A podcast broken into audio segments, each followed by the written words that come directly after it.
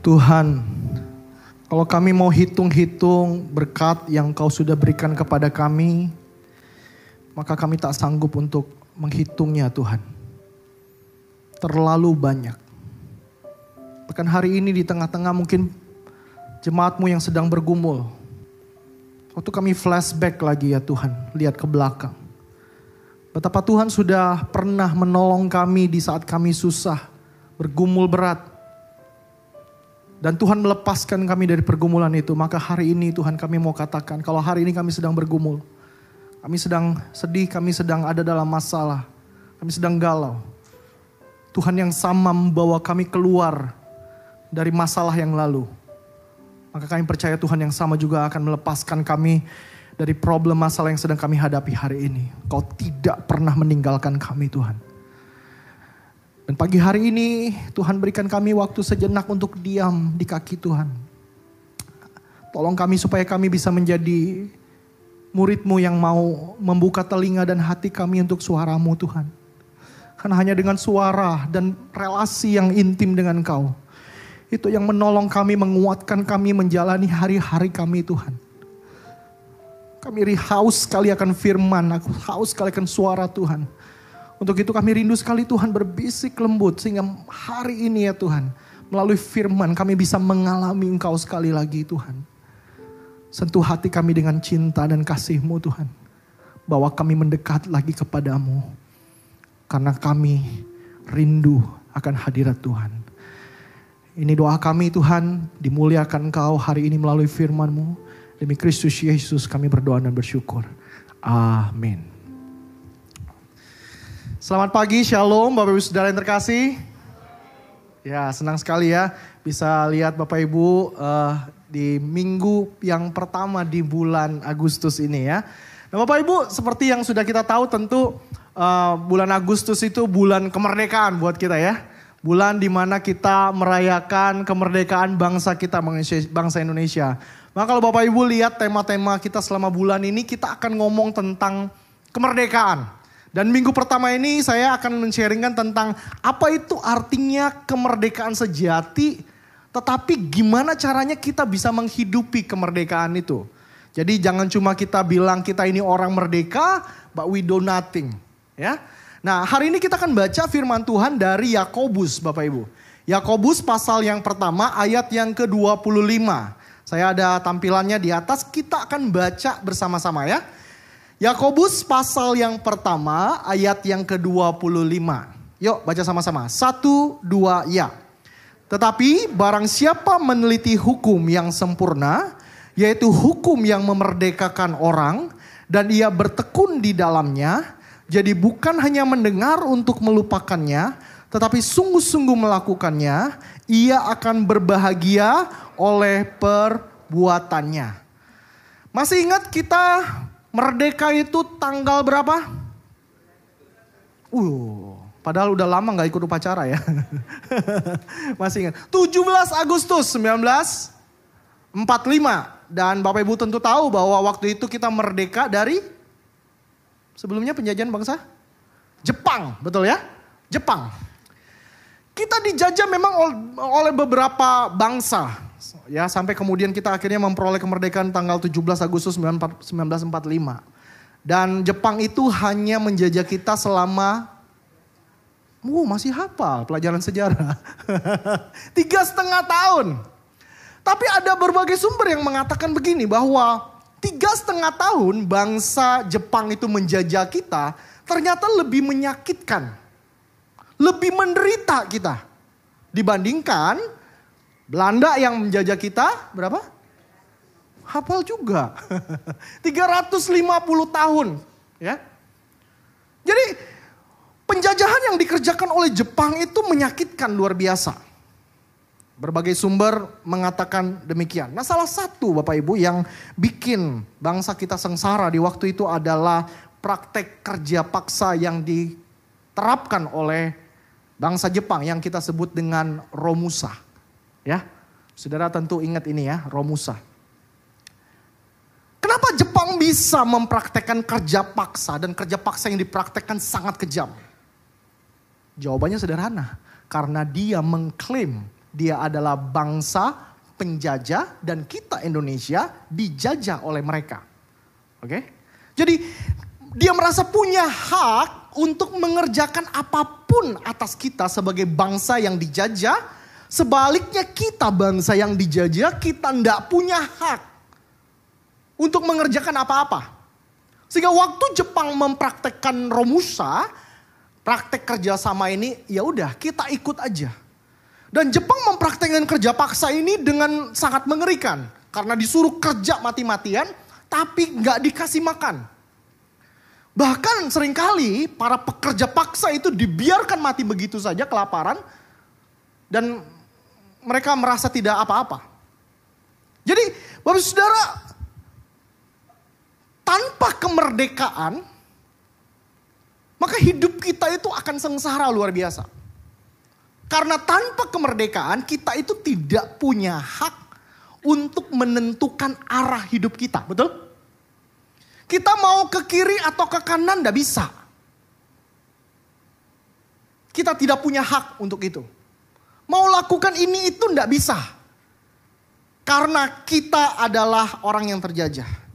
Nah Bapak Ibu Saudara yang terkasih, itulah sebabnya mengapa kemerdekaan itu sesuatu yang yang sangat penting. Nah kalau bangsa Indonesia, bangsa kita itu merdeka 17 Agustus 1945 ya. Kita juga sebenarnya di dalam kekristenan, kita itu diberikan kemerdekaan oleh Tuhan. Betul? Tuhan memberikan kemerdekaan kepada kita dan kemerdekaan kita itu dikerjakan oleh Kristus di atas kayu salib dan melalui kebangkitannya. Dia menyelamatkan kita dari hukuman dosa, dari perbudakan dosa, dan perbudakan maut. Yang kita sendiri tidak punya kekuatan untuk lepas. Tapi Allah dengan anugerahnya mengutus Yesus Kristus mati untuk kita Bapak Ibu. Dia mati untuk kita demi supaya kita bebas. Kita yang gak sanggup lagi lawan dosa, kita cuma ngikut apa kata dosa. Tetapi kita hari ini diberikan kesempatan untuk bebas. Ya. Hari ini kita yang mengalami kemerdekaan yang Kristus berikan waktu kita percaya Yesus, kita punya kebebasan. Apakah kita mau berdosa atau tidak? Betul? Kita punya kebebasan itu Bapak Ibu Saudara.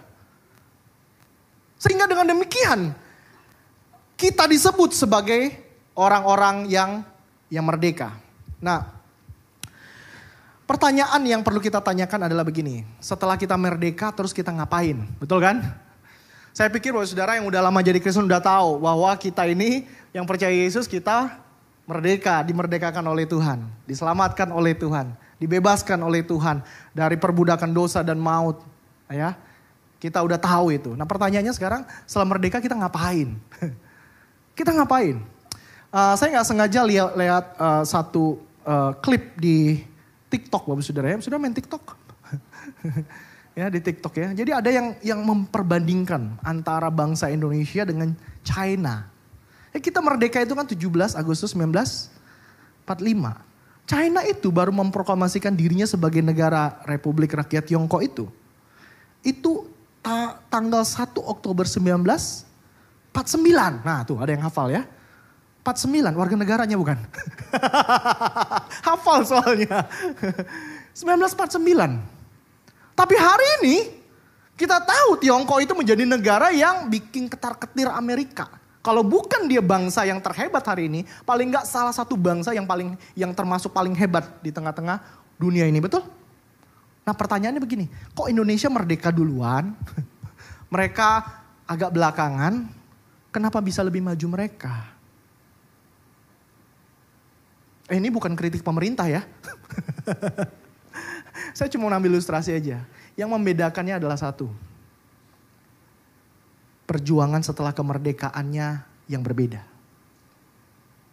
Bahwa Tiongkok memang berjuang keras setelah mereka memproklamasikan diri sebagai Republik Rakyat Tiongkok. Dan bahwa kita bergumul berat di dalam perjuangan setelah kemerdekaan. Bahkan ada orang-orang yang berkata, kita ini merdeka tapi kayak nggak merdeka gitu.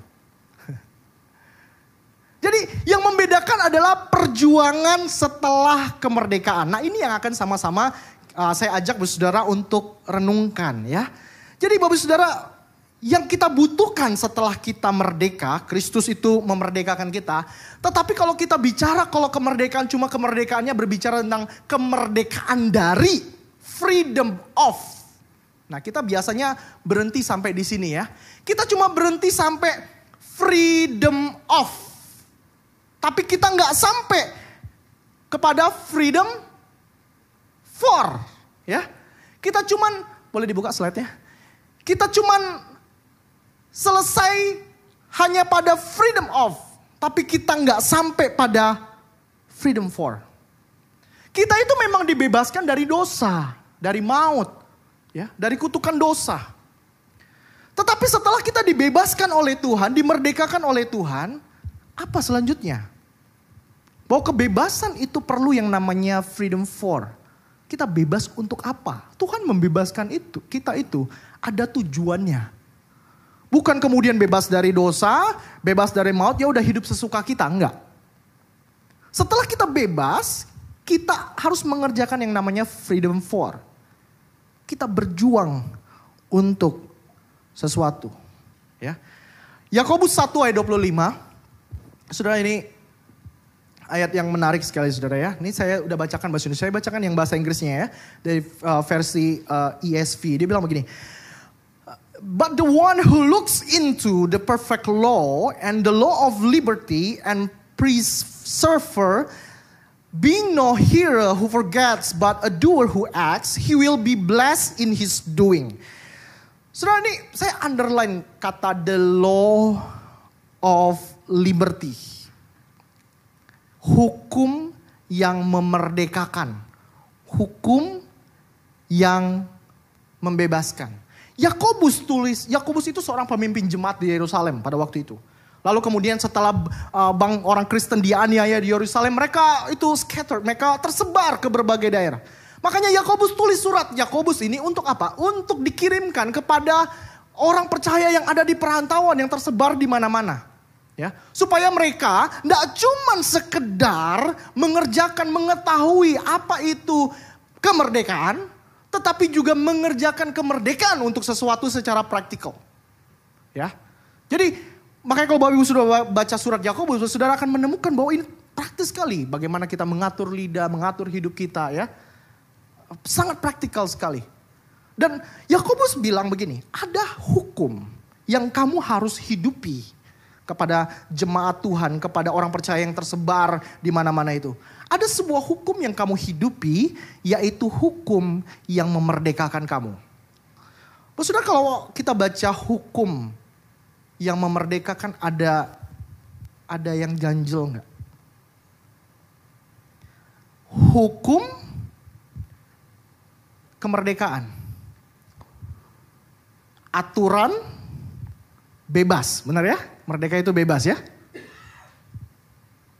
Aturan bebas. Ada yang mengganjal atau biasa aja?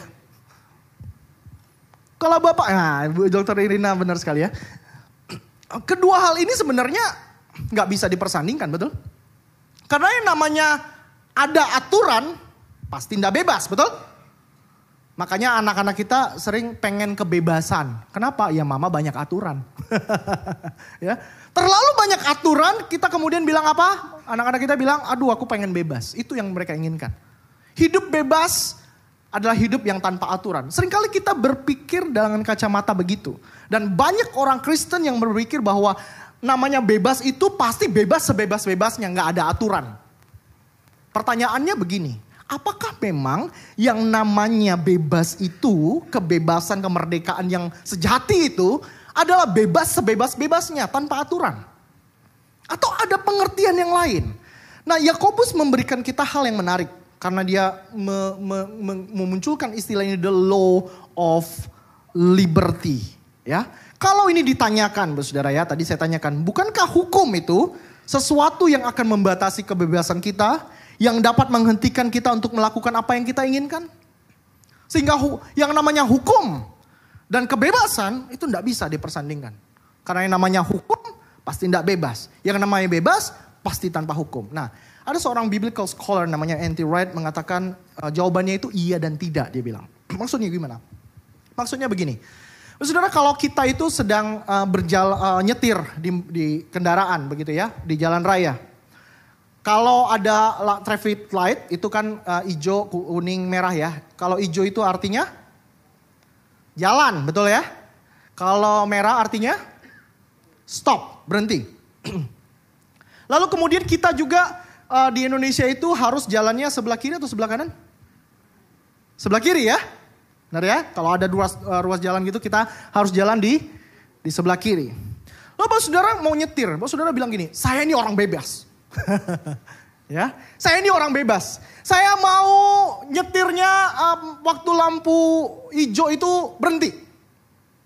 Waktu lampu merah jalan.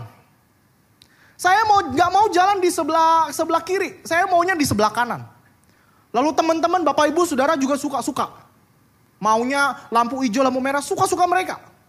Kiri kanan suka-suka. Pertanyaan saya, saudara mau pergi ke suatu tempat, satu tujuan. Bisa cepat sampai atau nggak sampai-sampai?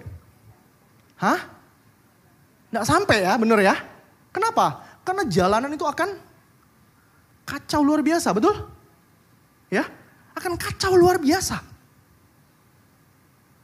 Maka inilah yang anti right maksudkan. Yang dia ingin katakan begini. That's what God's law is like. By restrictions your freedom in some ways, it opens up for greater genuine freedoms in all other ways. Waktu kita membatasi kebebasan kita, ya, membatasi kebebasan kita dan kemudian kita ada aturan yang kita terapkan kepada kebebasan itu Bapak Saudara maka sebenarnya kita akan cepat sampai ke tujuan kita. Dan sesungguhnya, Anti Wright bilang, inilah kemerdekaan yang genuine. Yang sejati itu. Ya. Jadi jangan pernah berpikir bahwa yang namanya bebas yang benar itu adalah bebas sebebas-bebas yang enggak. We need some law untuk mengatur kita. Kita perlu hukum, kita perlukan itu supaya kita bisa cepat sampai kepada tujuan dan kita bebas mengalami kebebasan di di jalan, saudara. Nah, para filsuf juga sepakat itu. Paulus itu menjelaskan bahwa memang ada dua bentuk kebebasan, freedom. Yang pertama disebut dengan negative freedom, yaitu bebas tanpa aturan apa pun, sebebas-bebasnya. Ya. Dan kebebasan yang kedua disebut dengan positive freedom atau kebebasan dengan aturan. Ya. Saudara kalau anak-anak kita biasa kan pengennya bebas sebebas-bebasnya ya. Ini tugas kita untuk kasih tahu. Bahwa waktu mereka bebas sebebas-bebasnya sebenarnya mereka itu nggak pernah menikmati kebebasan yang sesungguhnya. Mereka akan dihancurkan hidupnya oleh kebebasan itu. Tapi waktu kebebasan yang ada itu ya dikerjakan dengan aturan. Maka sesungguhnya itu kan membawa mereka kepada kehidupan yang penuh dengan kemerdekaan. Nah, Yakobus mengatakan tadi the law of liberty. Nah, ada tiga hal yang saya ingin bagikan kepada saudara. Kalau gitu apa yang harus kita lakukan? Setelah kita merdeka. Tadi kita udah bilang kita sudah mengalami freedom of. Amin. Kita sudah dibebaskan, dimenangkan oleh Tuhan, diselamatkan oleh Tuhan. And then kita sekarang harus mengerjakan yang namanya freedom for. Lalu bentuk freedom for seperti apa? Ada tiga hal yang kita temukan di dalam Yakobus 1 ayat 25 ini. Yang pertama, saudara. Yang pertama bahwa kita itu ketika mengalami kemerdekaan, kita itu seperti memiliki license. Sudah tahu license, SIM? Kapan kita dapat SIM? Yang pertama, umurnya harus ah 17 dianggap udah dewasa. Yang kedua, apa lagi? Udah bisa nyetir, betul? Yang ketiga, lulus ujian ya. Atau dengan kata lain, kita tahu betul rambu-rambu lalu lintas seperti apa, betul? Sehingga waktu kita dapat license, dapat SIM itu, surat izin mengemudi, kita itu seolah-olah dianggap udah tahu betul dan udah bisa mengendarai sebuah kendaraan dari satu tempat ke tempat lain di jalan raya. Kita dianggap udah oke. Okay. Dan kita berjuang semuanya untuk mendapatkan itu semua gitu. Belajar nyetir ya, kita pelajari rambu-rambu lalu lintas dan kita uh, berjuang untuk mendapatkan itu. Nah berbeda di dalam Kristus, ketika kita dibebaskan oleh Tuhan, kita nggak berjuang, saudara. Yang berjuang siapa? Tuhan Yesus di atas kayu salib. Our license untuk bebas dari dosa dari kematian itu ya, kebebasan itu, itu Tuhan Yesus yang kerjakan. Dan ketika dia sudah mengerjakan itu, kita dapat license, saudara. Kita dapat surat izin. License-nya license untuk apa? License untuk kita mengendarai hidup kita sampai kepada tujuan yang Tuhan mau. Ada yang mengatakan kalimat begini, true liberty is living as we should, not as we please. Jadi kalau kita dapat license dari Tuhan, kita harus ingat bahwa license yang Tuhan berikan itu ya, bukanlah untuk hidup semaunya kita. Tapi untuk hidup sebagaimana kita hidup. Kata liberty, saudara saya underline di merah ini ya. Kata liberty itu memang diterjemahkan sebagai freedom, sebagai kebebasan ya. Tetapi juga diterjemahkan sebagai izin. Jadi satu sisi dia bebas, tapi di satu sisi dia memberikan izin untuk mengerjakan sesuatu. Dan waktu kita mengerjakan sesuatu dalam hidup ini setelah kita diselamatkan, itu bukanlah seenaknya kita. Tapi ada aturannya. Apa yang seharusnya Itulah sebabnya hal yang kedua yang harus kita lakukan di dalam teks yang kita baca adalah kita harus meneliti firman. Ayat ini berkata begini, but the one who looks into the perfect law, looks into artinya kita meneliti. Meneliti. Apa artinya meneliti? Meneliti itu kayak ini, Mbak Saudara. Ini saya ada sesuatu ya. Misalnya kita punya jarum lah, anggap ini jarum ya. Lalu kita jatuhkan ke dalam jerami kita harus cari nih. Nah kita kan nggak bisa carinya cuman nggak bisa loh, bener. Kita harus perlu apa? Bungkukkan badan kita, betul? Kita korek-korek itu jerami, kita cari-cari. Mungkin butuh waktu yang lama, geser sana sedikit ya, ke sana dikit, baru kemudian akhirnya kita temuin. Butuh effort. Kadang butuh waktu. Nah yang Yakobus ingin katakan kepada gini, waktu kamu baca the perfect law itu, firman Tuhan itu, nggak bisa cuma skimming through. Nggak bisa cuma sekilas. Banyak dari kita udah lama jadi Kristen, kita baca karena begitu besar kasih Allah akan dunia ini. Dan kita skimming through aja. Kita anggap kita udah ngerti. Kita udah tahu lah. Kita nggak pernah lagi mau berdiam diri dalam firman, baca, renungkan, lihat kata per kata. Sehingga kita akhirnya nggak nggak lagi menikmati keindahan daripada firman Tuhan itu. Yakobus bilang, kalau kamu sudah punya, sudah dibebaskan oleh Tuhan, nggak bisa enggak. Kamu sekarang udah punya license, kamu harusnya mengemudi. Pertanyaannya, gimana caranya kita bisa mengemudi yang benar Bapak Ibu? Kita butuh yang namanya hukum, tahu aturan. Gimana tahu hukumnya? Teliti hukumnya. Ini ada Pak Swandi nih, Pak Swandi pengacara ya. Waktu ada kasus harus lihat hukum, harus lihat dengan teliti. Kata per kata betul ya Pak ya? Apa artinya ini? Supaya interpretasinya benar. Dan Yakobus tulis, surat Yakobus itu bukan untuk hamba Tuhan pengkhotbah loh ya, bukan ya. Tapi dia tulis untuk jemaat awam. Yang tersebar di mana-mana mereka mungkin menghadapi penganiayaan, kesulitan hidup.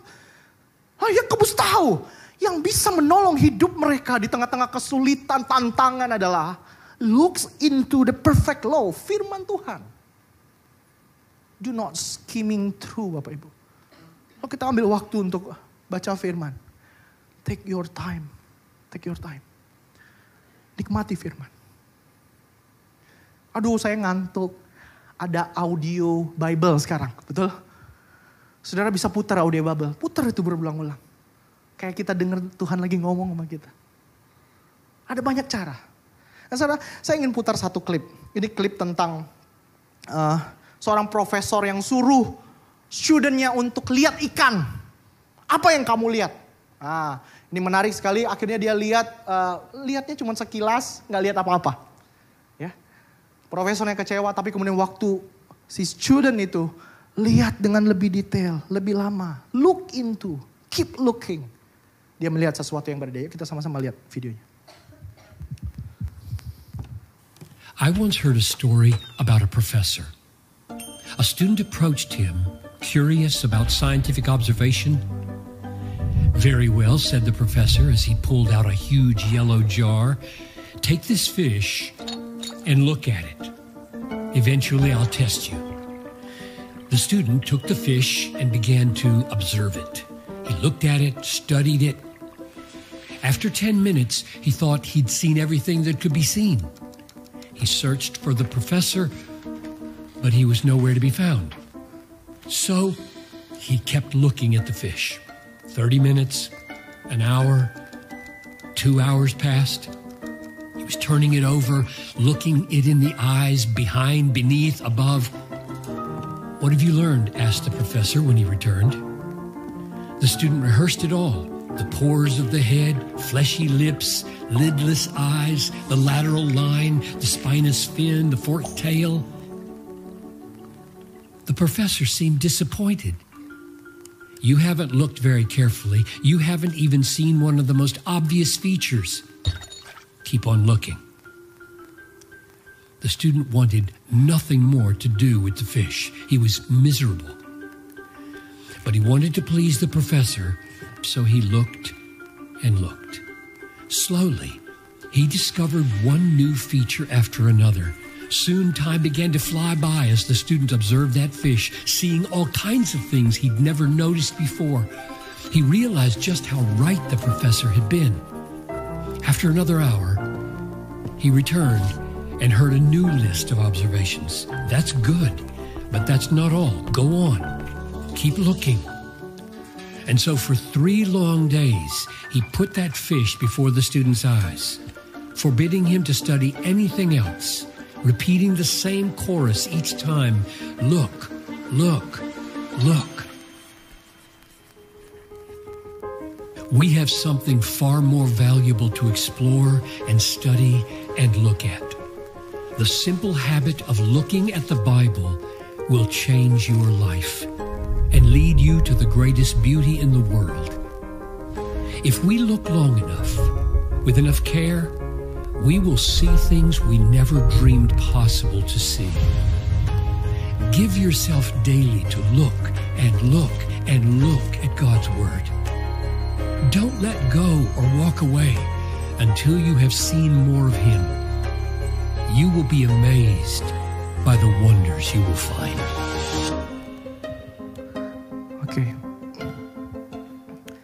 Kadang kita nggak dapat apa-apa bukan karena kita nggak ngerti, tapi kita kurang waktu untuk duduk tenang di hadapan Tuhan. Ambil waktu kita, Bapak Ibu. Yang ketiga, lalu setelah kita look into, kita mesti ngapain?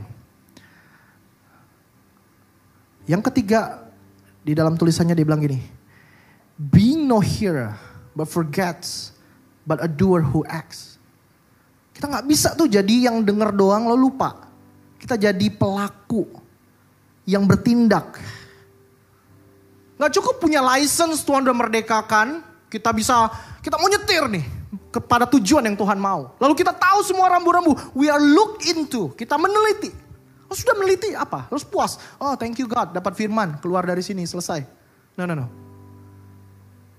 Yakobus bilang, a doer who acts.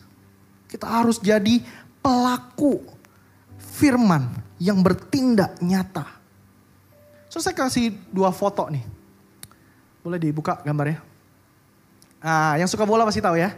Timi pasti tahu lah ya. Siapa tim? Ah, udah ada ya. Mourinho, Jose Mourinho, Zinedine Zidane. Keduanya pernah melatih Real Madrid, saudara, sebuah klub besar di Spanyol. Keduanya bisa membawa Real Madrid juara. Tapi apa yang membedakan keduanya? Teori dan strategi mereka keduanya ciamik lah.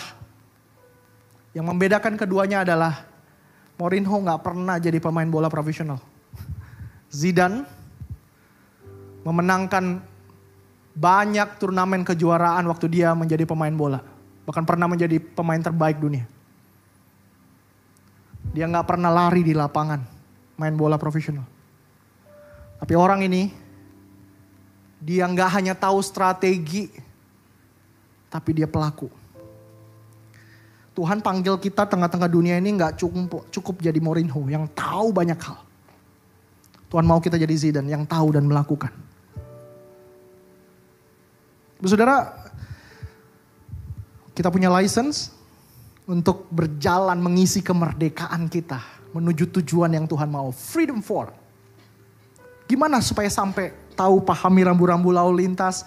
Kita harus punya yang namanya keinginan untuk look into, meneliti firman, meneliti hukum Tuhan yang memberikan kita kemerdekaan. Lalu kemudian kita mengerjakan, melakukan itu. Saya ingin tutup dengan satu satu kisah, saudara. Ada seorang papa dan anak ya. Jadi suatu kali seorang papa itu lihat anaknya yang masih SMP itu uh, sedang nonton YouTube. Padahal besok schedule-nya exam, ujian. Papanya bilang sama si anak begini. Nah, belajar dulu baru nonton YouTube-nya. Nah, namanya anak remaja biasa gimana? Nggak denger lah kalau sekali kan. Wah, asik nonton YouTube. Ulangi sekali lagi kan? Nah, belajar dulu besok exam. Baru nanti selesai boleh nonton YouTube. Dua kali tidak mau dengar. Tiga kali biasa dengar nggak? Tiga kali dia bilang. Nah, belajar dulu. Nanti baru selesai kamu ada waktu baru nonton YouTube. Besok kamu mau exam. Anaknya nggak mau dengar. Lalu papa itu datang dekat-dekat dia ngomong serius sama anaknya. Lalu papanya mengatakan kalimat ini. Nah bapak saudara yang punya anak remaja boleh coba nih. Ya, Bapaknya bilang kalimat ini. Nah, ya sudah kalau kamu nggak mau melakukan apa yang papa minta. Mulai dari hari ini, papa tidak akan berikan aturan apa pun. Tidak akan melarang kamu melakukan apa pun dan kamu bisa melakukan apa pun yang kamu mau lakukan. Papa nggak peduli lagi dan nggak mau bicara lagi sama kamu. Sudah dengar kalimat ini? Anak ini responnya gimana? Cepat-cepat dia masuk kamar belajar, dimatiin YouTube-nya. Kenapa? Bukankah kalimat ini memberikan dia izin bahwa oh dia bisa melakukan apa yang dia inginkan? Dia bisa bebas sebebas-bebasnya, betul? Right? Dia tahu bahwa dia bisa sebebas-bebasnya. Tapi ketika papanya bilang, papanya nggak peduli, nggak mau bicara lagi sama dia. Dia tahu betul bahwa tanpa aturan, tanpa kehadiran, tanpa kedulian papanya, hidupnya akan hancur. Dia mungkin bisa hidup sesukanya, tapi hidupnya akan hancur tidak mencapai tujuan yang sesungguhnya. Saya mau dengan satu kalimat begini. Kita itu kadang udah jadi Kristen lama. Ada banyak hal yang kita tahu. Kita itu pikir kayak udahlah, udah tahu. Yang penting gue lakukan ini aja. Ini lebih lebih cepat bikin cuan nih. Ini bisa lebih gampang nih kerjain. Daripada ikut aturannya Tuhan, lebih ribet. Saudara, tidak bisa. Kita yang mau hidup merayakan, menghidupi kemerdekaan yang sejati, kita harus tahu, we need the law of liberty, the perfect law. Butuh firman, butuh aturan. Karena dengan aturan itu kita tahu bahwa Tuhan itu masih mau bersama dengan kita. Maka saya ingin tutup dengan satu kalimat ini, suara dan relasi dengan Bapa Sorgawi melalui firmannya. Adalah satu-satunya jaminan bagi kita untuk menikmati kebebasan atau kemerdekaan sejati yang Kristus sudah berikan bagi kita. Mari sama-sama kita look into the word of God. Belajar firman, nikmati firman, lakukan firman. Karena hanya dengan demikianlah kita memastikan bahwa kita nggak hanya sekedar jadi orang-orang yang freedom of, dibebaskan dari. Tapi kita menjadi orang-orang yang freedom for. Mengerjakan kehendak Tuhan dalam kehidupan kita. Itulah kemerdekaan yang sejati. Amin, Bapak Saudara. Kita tundukkan pala kita berdoa. Saya kasih waktu buat saudara untuk doa masing-masing. Reflections. Adakah selama berapa waktu ini kita udah lama jadi Kristen, tahu Tuhan, kenal Tuhan, Tuhan sudah selamatkan kita. Tapi kita hidup semau kita, tidak pernah lagi kita tanya Tuhan. Kemerdekaan sejati bukan hanya kemerdekaan untuk lakukan hal yang kita mau. No. Kemerdekaan yang sejati adalah kemerdekaan yang kita hidupi dengan hukum Tuhan, dengan firman Tuhan. Itu yang menjamin kebebasan kita. Mari masing-masing kita ambil waktu teduh. Berdoa secara pribadi. Memohon belas kasihan Tuhan. Untuk kita kembali lagi rindu dengar suaranya. Rindu untuk dekat-dekat dengan dia.